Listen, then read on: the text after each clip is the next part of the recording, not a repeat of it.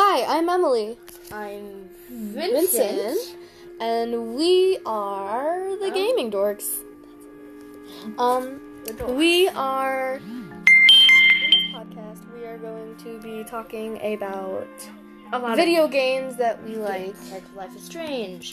Too. Um, especially uh Five Nights at Freddy's. We might make a series on that. Yeah, that's Um, maybe that might be the fourth. maybe. That might be the first video. Hint.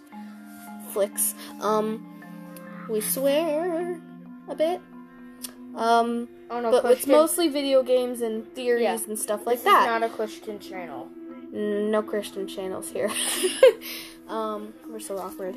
Yeah. Oy. I But oh wait,